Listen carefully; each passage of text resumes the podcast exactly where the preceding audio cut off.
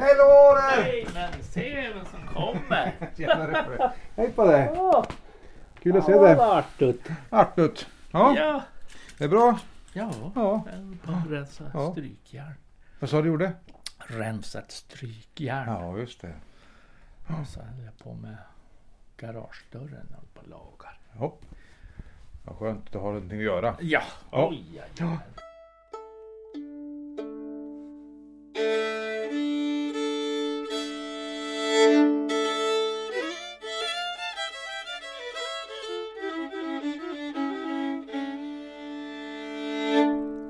Lappnilspodden.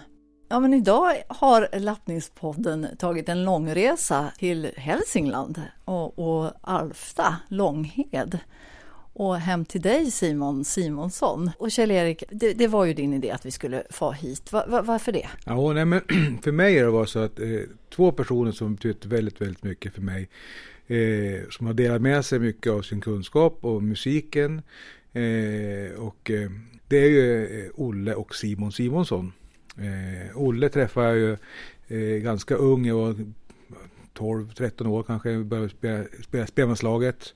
Och han såg mig ganska direkt där och, och skickade med mig massa inspelningar på spelmän som han hade träffat på och sådär.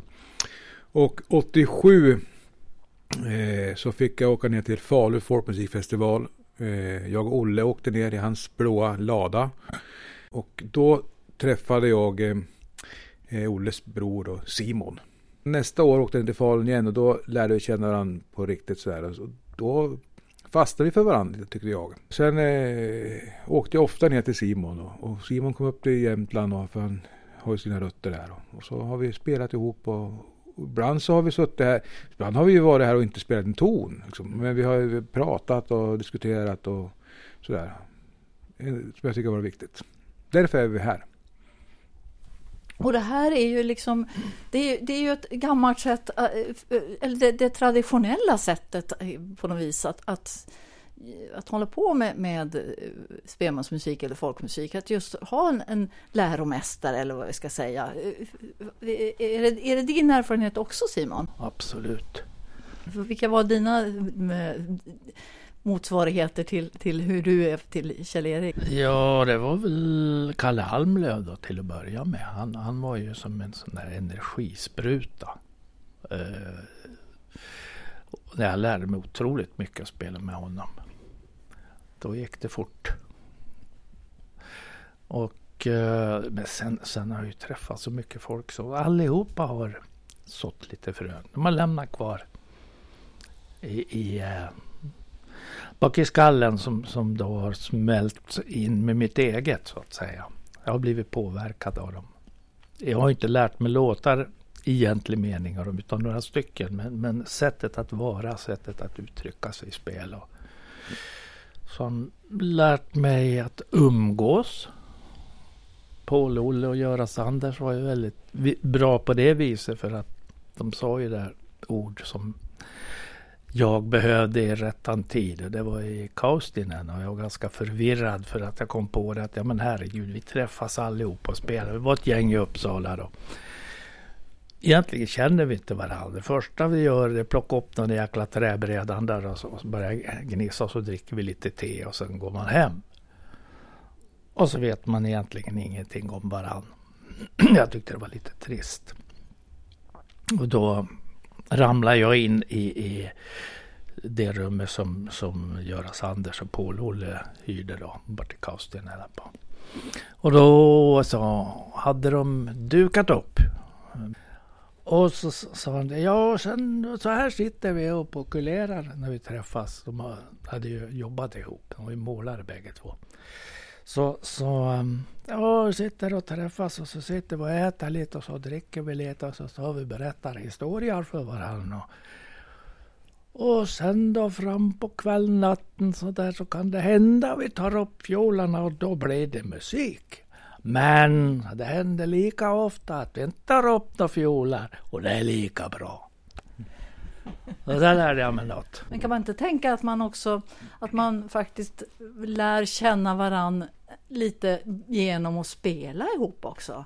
Ja men absolut, det, det hör ihop bägge, bägge va. Men eh, blir det bara spel så blir det ju inte, får man inte den andra eh, djupet i det hela liksom. Och, och, eh, och det, jag upplever också att ju mer man känner folk på, på ett djupare plan, ju mer förstår man varandra i musiken. Så det där, det där hör absolut ihop det. Tycker jag. Ja, det är sant. Det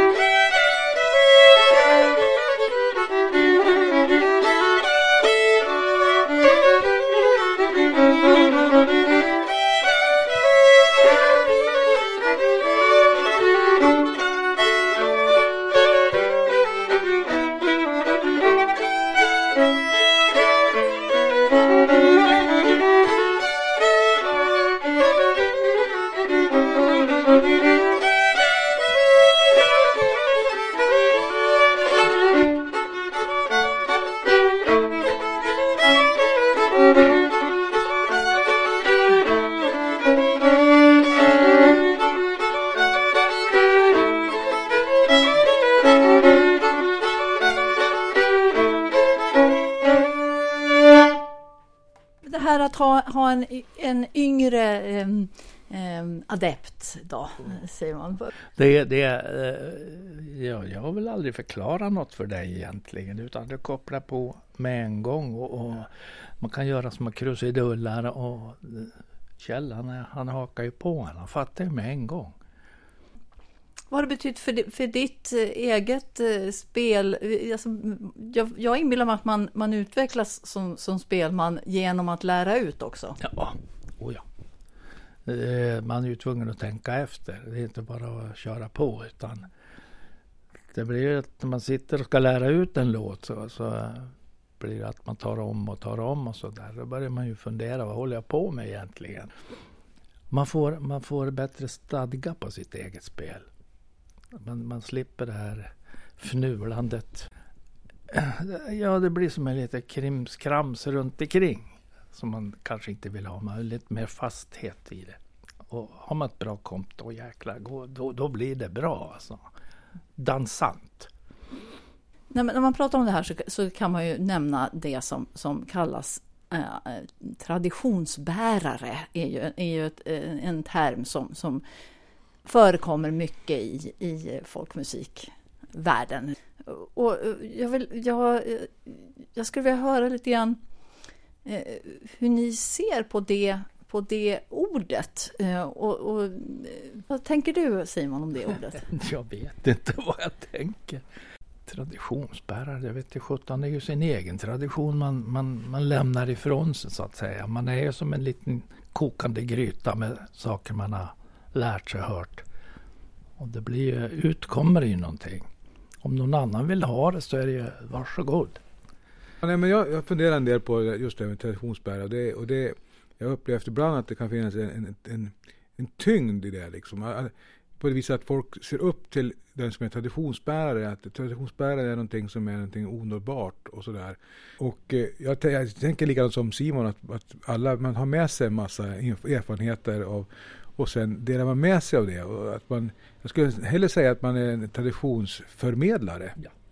en bärare. Va? För, och sen just det här, jag har också upplevt ofta att man, är, man, man, man har till exempel har kurser och så s- tänker de åh, den kursledaren han är den stora traditionsbäraren.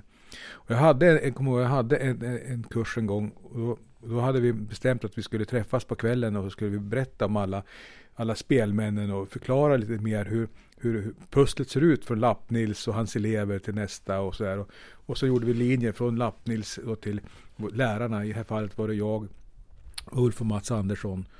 Och sen gjorde, och då alla eleverna satt och nickade och förstod, ja visst det här. Och sen gjorde vi sista linjen från Ulf och Mats och mig till er, till kursen. Och det var flera stycken som bara, oj, jag har inte tänkt på att vi är en del i det här.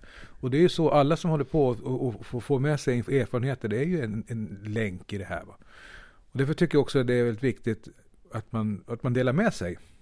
Jag hörde ett, ett, ett radioprogram med Peter Karlsson för många år sedan, som program där han pratade om... Alltså artisten Peter Karlsson? Ja, precis. Det hade varit i Afrika och träffat en fantastisk koraspelman. Mm.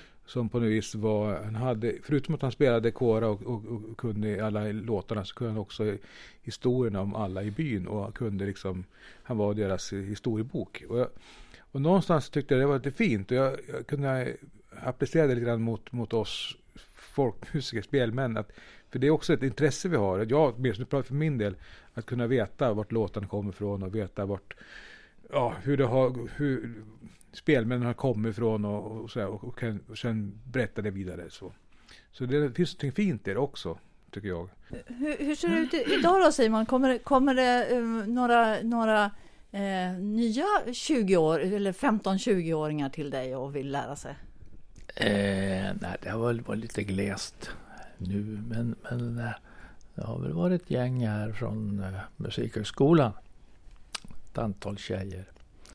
Du då Kjell-Erik, alltså du, du är ju lärare på Birka folkhögskola och du håller ju kurser i samband med, med spelmansstämmor och liknande, sådana helgkurser i olika sammanhang. Men, mm. men det här med, med, att, att, att någon kommer, kommer hem till ditt kök och sitter och, och, och snackar och lirar lite. Det, det, är inte så ofta det händer.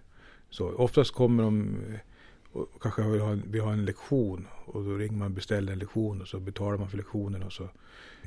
Men det är också det där, känner jag, att, att eh, jag vet inte hur det är, men, men bara komma in för att lära sig en massa låtar, det, det, det, det lär man sig ändå på nätet och på skivor och så här. Men det är det andra, det där att, att, att sitta och dricka kaffe och berätta historier och höra, höra, höra liksom möte liksom. Det, den grejen skulle vara roligt att ha med den yngre. Att traditionen inte bara är låtarna utan mycket mer. Ja men precis. För det, så tycker jag att, att, för min del är det ju så. Att det låtarna är ju klart viktiga men det är ju lika mycket viktigt att, att få historierna kring låtarna och historierna kring spelmännen och hur det var runt omkring och hur de jobbade och liksom dråpligheter och sådana saker. Och om de är släkt och ja, men sådär. Det är klart, jag är nördigt intresserad av sånt där. Va? Men eh, för mig hör det, hör ihop det ger något till låtarna också menar du? Absolut, för då får de ju ett liv.